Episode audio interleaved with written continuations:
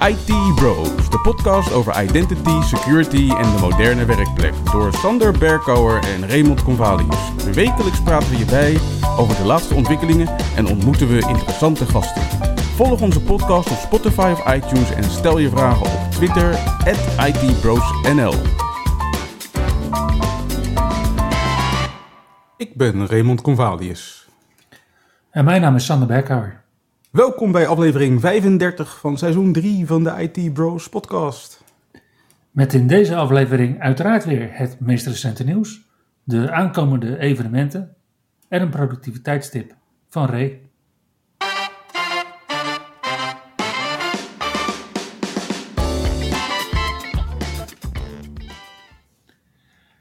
Ja, we hadden de afgelopen weken groot nieuws en klein nieuws rondom Windows.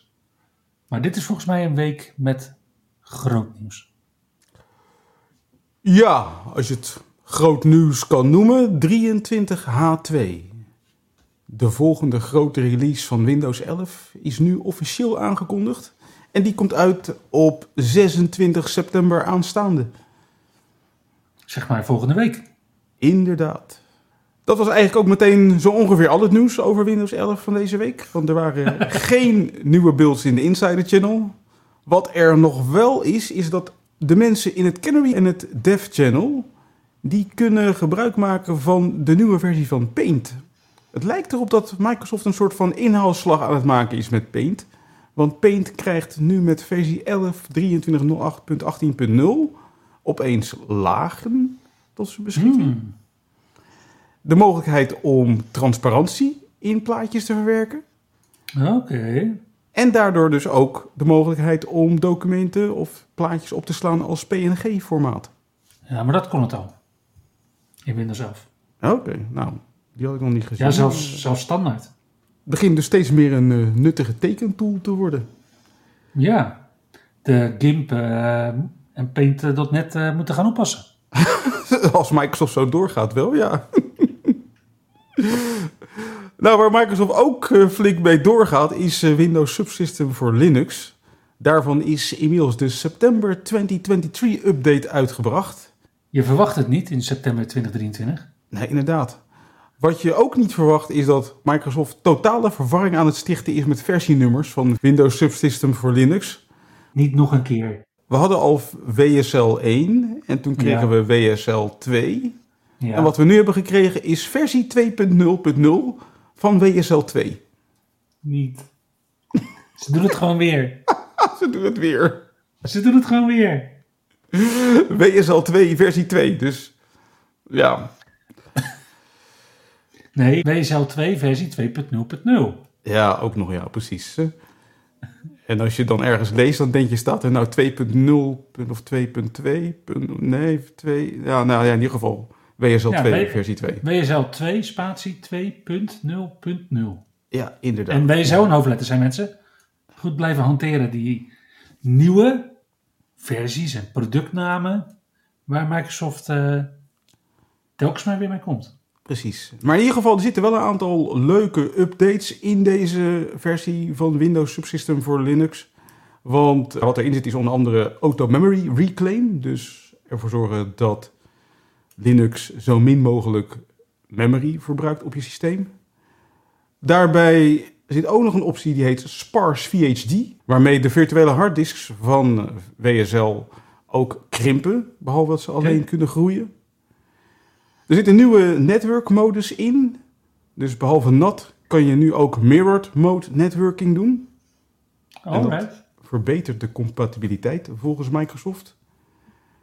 Dan heb je nog DNS tunneling, waarmee WSL tegenwoordig anders omgaat met DNS. Ook om netwerkcompatibiliteit te verbeteren. Mhm. Er zit firewall in. En dat wil zeggen dat de Windows firewall rules van toepassing worden op WSL.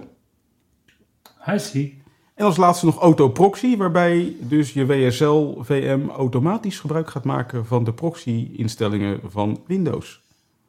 Nice. Hey, en hoe, eh, hoe krijg je WSL 2 2.0.0 op je Windows-installatie? Ehm, je moet een update uitvoeren en niet gewoon met WSL min min update. Nee, je moet zeggen WSL min min update min min pre-release.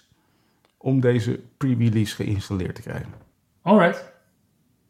Maar dat zal dan al het nieuws zijn rondom Windows, denk ik. Nee, want deze week viel er een bommetje.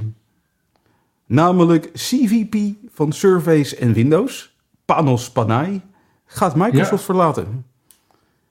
En blijkbaar doet hij dat nogal met een bang, want ehm, ja, hij gaat ook nog eens een keer naar Amazon. oké. En deze week zou hij op 21 september een presentatie houden in verband met allemaal nieuwe releases van Surface. Yep. Nou, hij heeft Microsoft op zijn Amerikaans verlaten. Hij deed het niet. Dat is, eh, dat is heel Amerikaans inderdaad. Ja, dus na 20 jaar Microsoft gaat eh, Panos verder bij Amazon. En hij wordt opgevolgd door Youssef Mehdi en Mikhail Parakin. In het verleden heeft Amazon populaire apparaten en wat minder populaire apparaten geïntroduceerd in eh, haar productgamma. De Ja. Amazon Kindle is natuurlijk een, een pracht van apparaat. Ja. De Amazon Fire Sticks, eh, daadwerkelijk iets om ver weg van te blijven, denk ik. ja. Waar denk je dat Panos zich eh, bij Amazon mee bezig gaat houden? Hij gaat zich bij Amazon bezighouden met de Echo speaker en met Alexa. Oké. En wellicht dat Amazon nog meer spannende hardware in gedachten heeft. Want eh, spannende hardware komt er op dit moment niet echt bij Microsoft vandaan, moet ik je eerlijk zeggen. Oh ja, we hadden natuurlijk dat eh, evenement op donderdag 21 september. Ja, precies. En daar heeft Microsoft eh, hardware aankondigingen gedaan. En laten we zeggen, ze hebben het veilig gehouden. Er kwamen drie machines uit in de Surface-lijn, namelijk de. Surface Laptop Studio 2. Mhm.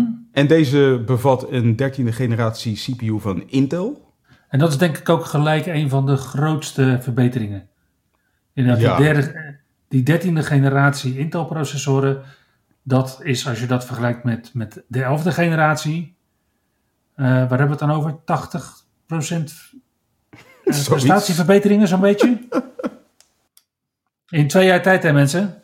Ja, Yep. Ja die 13e generatie was een eh, flinke sprong in prestaties. Dus eh, maximaal een i7-13800H CPU van Intel in deze Surface Studio 2. Oeh. Geen i9. Nee, nee, dat niet. Nee, want stel je voor dat ook een Surface sneller zou vastlopen. Ja, Oh nee, precies. Microsoft gebruikt natuurlijk helemaal geen MSI moeten worden. Nee, dat gaat, gaat vast goed. Maar een i7 Max, oké. i7 Max. En als je toch een dikke portemonnee hebt, dan stop je er ook nog even een eh, Nvidia RTX 4050 of 4060 GPU bij. Ja, natuurlijk, want anders heb je geen raytracing. Precies. En dan kan je hem uitrusten met maximaal 64 gigram LPDDR5X.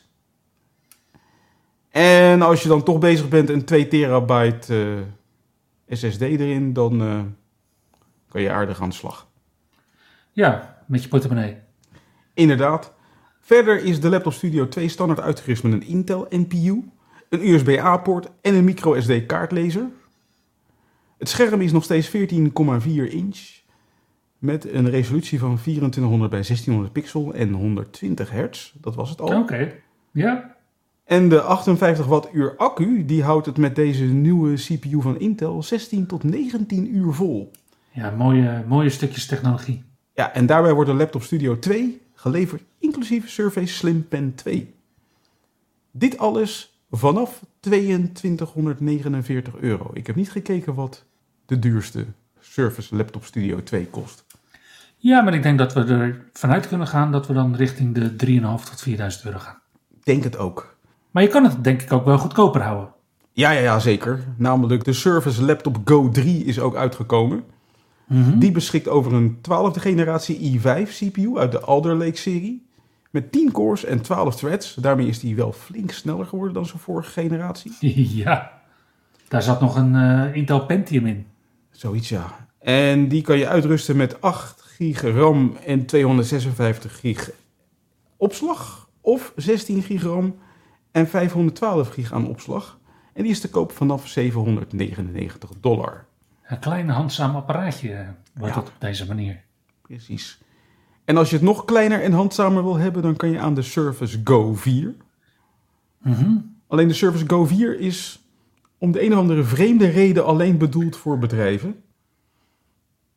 En daar zit een Intel N200 CPU in met 4 cores en 4 threads en 8 gig aan werkgeheugen. En die is vanaf 579 dollar verkrijgbaar in de VS.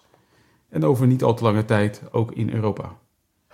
Ja, maar nu nog niet inderdaad. Dus waar de Surface Laptop Go 3 en de Surface Laptop Studio 2 vanaf 3 oktober al worden uitgeleverd, zullen bedrijven voor de Surface Go 4 nog even moeten wachten. Inderdaad. Nou ja, en daar was er dus een heel groot evenement voor aangekondigd op 21 september. Ja, iedereen eh, verwachtte dat Panos Panay inderdaad wel weer met een mooi tranentrekkend verhaal eh, dat hele evenement zou dragen. Nou, dat was er dan dus niet. Nee, het was heel veel Copilot. Heel, heel, heel veel Copilot. Eigenlijk het was een beetje Copilot nog een keer, zeg maar. En een beetje hardware. Ja, nou die Intel NPU in de nieuwe Surface Laptop Studio 2 Mhm. draagt daar natuurlijk ook wel aan bij. Ja, ja. Het is inderdaad ook AI. En dan Windows Copilot in Windows 11 23H2. Want ik denk dat we hem zo mogen gaan benoemen. Ja. Ja, dus dat is dan al gelijk beschikbaar. En zo we het geloof ik ook over Microsoft 365 Copilot. Ja, alleen daar heb ik volgens mij nog steeds geen prijzen van gezien. Ik verwacht dat we het echte nieuws daarover gaan zien en horen ten tijde van Ignite in november. Ja, ja, dat denk ik ook. Ja, en ondertussen is Microsoft natuurlijk ook nog bezig in de cloud. En in de cloud, daar komen en gaan dingen. En het is nu tijd voor Exchange Online, Exchange Web Services om te gaan. Ja, de EWS API's worden uitgefaseerd, mensen. Ja, Nou, niet, niet gelijk, want zo doet Microsoft dat niet. En wat ik wel weer heel netjes vind, hè, want er staat in de, in, de, eh, in de Microsoft-documentatie en ook in de afspraken die ze maken met grote bedrijven, dat ze dit soort dingen altijd aankondigen met een jaar respijt. Dus dat grote bedrijven een jaar hebben om er vanaf te komen. En je ziet toch, en we zien het bij andere eh, dingen ook, dat ze er toch voor kiezen nu ook gelijk om voor een periode van twee jaar te gaan. ja. Ja, want EWS support eindigt per oktober 2026. Dat betekent dat alle ontwikkelaars nog twee jaar de tijd hebben om over te stappen naar Graph. Want dat is het advies van Microsoft. Ja, Daar Natuurlijk is de Microsoft Graph al helemaal volwassen. Eh, geen kinderziektes meer. Geen rare dingen. Je kan je code één op één omzetten door gewoon even het endpoint te wijzigen in je code. Dus ja, waarom zou je daar twee jaar voor nodig hebben? Oh nee, wacht. Nee, was de Nee, wereld helaas. maar zo mooi. ze moeten, Microsoft moeten ze nog heel hard gaan werken om alle functionaliteit van EWS naar de Graph over te brengen. Ja, Dus eh, ook daar zullen ze waarschijnlijk nog wel even een eh, race tegen de klok moeten doen. Maar de ontwikkelaars zijn gewaarschuwd. Oktober 2026 is het voorbij. ja, en hoorde je dat het Xbox-team ook nog eventjes eh, tegen de klok moest racen om een beetje damage control te doen deze week? Zo, die hebben een lastige situatie veroorzaakt. Het bleek dat ze in de rechtszaak, die gaat over de overname van Activision Blizzard, moesten ze documenten overdragen aan de rechtbank. Mhm. En blijkbaar hebben ze de verkeerde documenten beschikbaar gesteld aan de rechtbank. Want de documenten die ze bij de rechtbank moesten downloaden van Microsoft bleken vertrouwelijke documenten te zijn met de toekomstplannen over de Xbox. Van een jaar geleden. Het zijn documenten die een jaar oud zijn over de toekomstplannen van de Xbox. Ja, en dat is ook hoe ik Phil Spencer, hij is de, de CVP, de Corporate Vice President van Xbox, ook zag insteken, is dat mensen nu niet moeten gaan bedenken dat die toekomstplannen ook daadwerkelijk toekomstrealiteit worden. Nee, maar hij was wel gefrustreerd en teleurgesteld dat deze plannen op straat zijn komen te liggen. Ja, dat kan ik me helemaal voorstellen, maar dat was Sony ook. Sony heeft ook in deze rechtszaak een aantal documenten gedeeld. Die waren ook niet goed genoeg geredacteerd, waardoor ook bepaalde informatie uit die documenten publiek werd. Deze hele rechtszaak is een toonbeeld van amateurisme, lijkt wel. Ja, Daar is Ajax niks bij. nou, laten we daar maar even niet over beginnen. Nee hè? Nee, kom. Kom, we gaan het over leuke dingen hebben. Over helemaal niet eh fuck-ups, namelijk iOS 17.0.1. Ja. Ja, deze, die- deze is echt fantastisch. Vanmiddag om 5 uur heb ik de stap gewaagd. Ik heb mijn iPhone geüpdate naar iOS 17. Mhm. En volgens mij was het 8 uur 's avonds. En toen stond er opeens iOS 17.0.1. Ja, ik ben woensdagochtend overgegaan naar iOS 17. En ik had gelijk inderdaad ook weer een update eh, voor me kiezen. Namelijk iOS 17.0.1. Dus mensen zoals wij, die dus vroegtijdig upgraden, kregen hierbij nog even het deksel op ons neus. Want dan mogen we twee keer upgraden. Inderdaad. Maar niet getreurd, want als je nog steeds op iOS 16 zit, dan mag je ook daar upgraden naar iOS 16.7. En de reden is heel duidelijk, Microsoft heeft drie zero-day kwetsbaarheden geadresseerd. En dat gaat om CVE 2023 41991 rondom het Security Framework, 41992 rondom de kernel en 41993 in WebKit. En zero-day kwetsbaarheden, dat zijn van die kwetsbaarheden die dan dus in het wild al worden misbruikt. En denk dan bijvoorbeeld aan de Pegasus Groep. Ja, en dan zou je denken van waarom zou je nou upgraden naar iOS 17? Nou ja, onder andere omdat er gewoon een aantal leuke nieuwe features in zitten. Nou ja, de, de user interface natuurlijk aangepakt. Ja, nog meer widgets. Ja, en we hebben nu posters als je belt, maar zullen we, het, zullen we het gewoon eens over de zakelijke features hebben in de IT Bros podcast? Ja, wat mij al opviel is was dat de user interface van het bellen al anders was. Mhm. Knoppen op andere plekken. Ah, wacht even, je kan met een iPhone bellen? Ja, Oh, ik dacht dat dat pas vanaf de iPhone 17 kwam. nee, nee, nee, nee. Oké, weer wat geleerd? Af en toe doe ik het nog bellen. Ja, nee, weer wat geleerd. Is dat produ- productiviteitstip nummer 1? Deze. je kan ook bellen met een iPhone, mensen. Oké. Ja, inderdaad. En dan heb je in-private browsing. Weet je wat eh, onze vriend ooit eh, eh, de porno-mode noemde voor zijn browser. Ja, ja, in porno browsing. Nou, daar, daar heb je nu Face ID voor. Dus je kan dat afschermen door je Face ID. Dan kan helemaal niemand meer kijken waar je naar hebt gebrowsd in private mode. Eh, Goeie feature, denk ik, voor zakelijke gebruikers. Ja. Ja, inderdaad. Nou, dan heb je nog een leuke feature, die vind ik op zich wel interessant. Dat is auto-delete voor verificatieberichten van MFA. Ja. Je weet al, als je van die eh, sms-berichten ontvangt om multifactor authenticatie te doen, Nee. dan kan je zeggen van eh, vul maar automatisch in. Mhm. En daarna wist je iPhone gewoon dat bericht weer, zodat je hem toch maar één keer nodig hebt. Oh, dat is wel heel erg handig inderdaad. Ja. Maar ik, ik, want ik heb me daar eigenlijk altijd afgevraagd. Hè, waarom, waarom gebruiken we daar... We hebben daar altijd sms voor gebruikt. Waarom hebben we daar eigenlijk nooit flash-ms voor gebruikt? Want dat, heeft die feature al. Ik ken Flash MS niet. Ja. Hm. Het zal wel onveiliger... Het zal wel, het zal wel nog onveiliger zijn geweest. Toen al. Toen we het aan het bedenken waren. Denk ik. I guess so. en er zit nog een feature in, die moeten we maar binnenkort maar eens gaan proberen. Dat is eh, automatic check-in. Als degene waar je een afspraak mee hebt ook iOS 17 heeft, Ja? dan schijn je met automatic check-in je locatie makkelijk te kunnen doorgeven voor wanneer je ergens hebt afgesproken of zo. Oh, oké. Ja, dat zou dan. En werkt dat dan gewoon over het mobiele netwerk of is dat die ultra-wideband chips die we nu overal in terugzien? Ik denk dat het over het mobiele netwerk werkt, maar dat weet ik niet zeker. Oké, Maar het is er eentje die moet ik nog eens gaan uitproberen, inderdaad. ja. En als we het dan toch hebben over Apple. Nou ja, de iPhone 14. Die heeft een degradatie ondergaan bij iFixit. Oh, Want iFixit ging nog eens een keer goed kijken naar die iPhone 14. En daar waren ze aanvankelijk goed over te spreken als het gaat over de repareerbaarheid van het toestel. En ze gaven Mhm. het ooit een 7 op een schaal van 10. ja. Maar bij nader inzien blijkt die 7 toch niet helemaal terecht te zijn geweest. Namelijk onderdelen laten zich inderdaad heel makkelijk vervangen van zo'n iPhone 14, althans relatief makkelijk. En dan heb je hem vervangen, dan blijkt dat de iPhone het nieuwe onderdeel niet accepteert. Want die moet je eerst nog laten valideren met de Apple System Configuration Tool. Mhm. Alleen om dat te doen, moet je eerst bij Apple een melding doen van dat je een onderdeel gaat vervangen.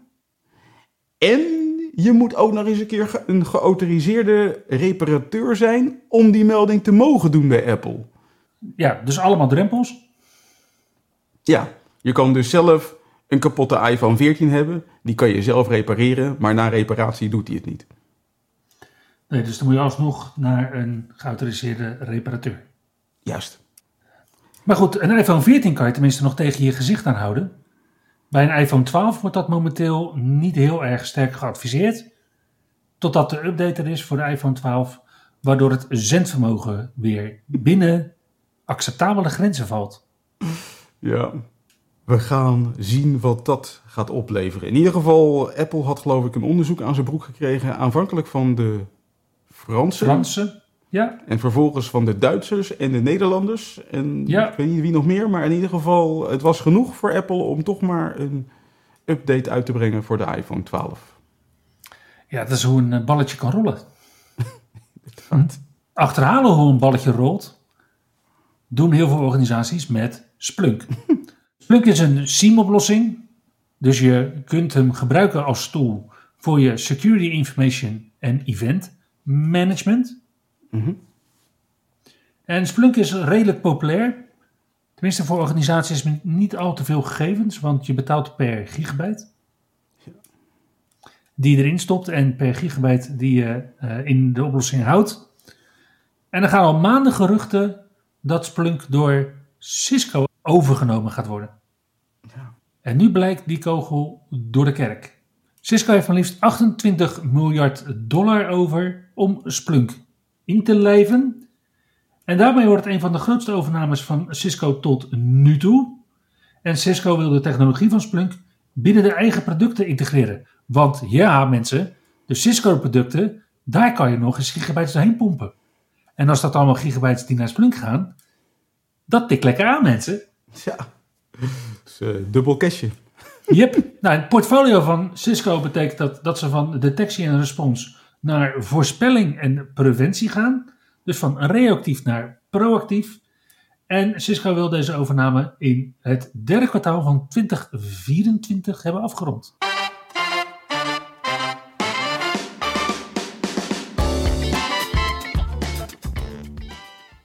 Kijken we naar de evenementen van volgende week, dan zien we op 26 en 27 september, de dinsdag en de woensdag, dan zien we daar de Cybersecurity en Cloud Expo. En dit is het toonaangevende evenement voor Zero Trust, Threat Detection and Response, training, maar ook talent en culture, identity and access management, application security en data security. En dit tweedaagse evenement vindt plaats, vindt plaats in de RAI in Amsterdam. Op 27 september is het dan tijd voor de ontwikkelaars om los te gaan op Build Netherlands 2023. Dit evenement vindt plaats van 9 uur 's ochtends tot 6 uur in de avond in de jaarbeurs in Utrecht. Met bijdragen van onder andere Koen van den Wiggelaar, Henk Hoelman, Sjoukje Zaal, Daniel Paulus, Marcel de Vries, Albert-Jan Schot en de keynote van Gina Doekie. Op dit evenement kan je je vermaken met sessies over Azure, het OpenAI-platform, Power Platform, Scalable Applications, Azure AI. En uiteraard kan je de experts ook persoonlijk spreken. Op donderdag 28 september organiseert dan de Azure User Group België, ook wel azag.be, vanaf half zes 's avonds een evenement met als titel Identity Lifecycle Management met Microsoft Entra en Building an OpenID Connect IAM platform. Azure heeft hiervoor twee experts uitgenodigd die, sorry, die beide presenteren. Tim Sente presenteert over het automatiseren van onboarding en offboarding met Microsoft Entra. En Wesley Kabus presenteert hoe je een feature-rich OpenID Connect Identity and Access Management platform bouwt. Dit evenement vindt plaats bij Devo Team in Machelen.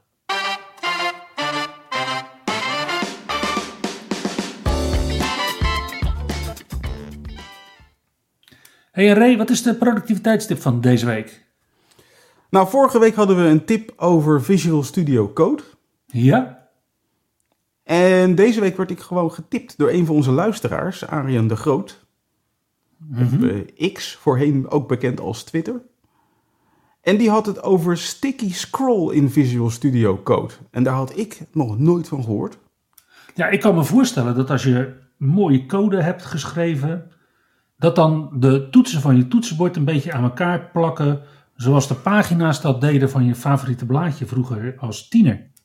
Maar daar heeft hij het vast niet over met sticky scroll. Nee, sticky scroll doet wat anders. Ik had het toch vorige week al over dat je soms moeite hebt om te springen tussen je verschillende functies. Ja? Nou, als je nou zo'n functie hebt geschreven, en zo'n functie is heel lang, meerdere pagina's lang in je Mhm. code. En je bent aan het scrollen, dat je op een gegeven moment denkt van, nou, in welke functie ben ik nou eigenlijk aan het scrollen? En wat sticky scroll dus doet, is dat hij de eerste regel van je functie, dus je functiedefinitie, Ja? die houdt hij dan vast boven in je scherm. Oh, is een soort, eh, ja, zoals freeze paints, dat kan in Excel. Ja, precies. Alright. En dat doet hij dan gewoon per functie. En dan kan je dus heel makkelijk door je code heen scrollen en toch nog doorhebben waar je bent gebleven. Oh, dat is wel een toptip. Dacht ik ook. Ja, ja, sticky scroll moet je wel even zoeken in de instellingen. Ik heb nog steeds niet gevonden hoe je erheen browst.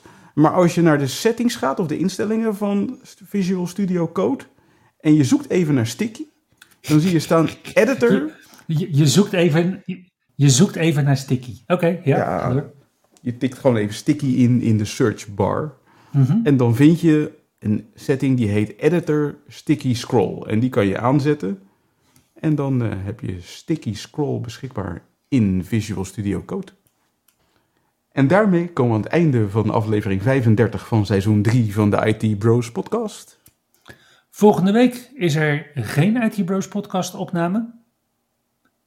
Maar over twee weken kun je weer genieten van de volgende aflevering. Dankjewel voor het luisteren.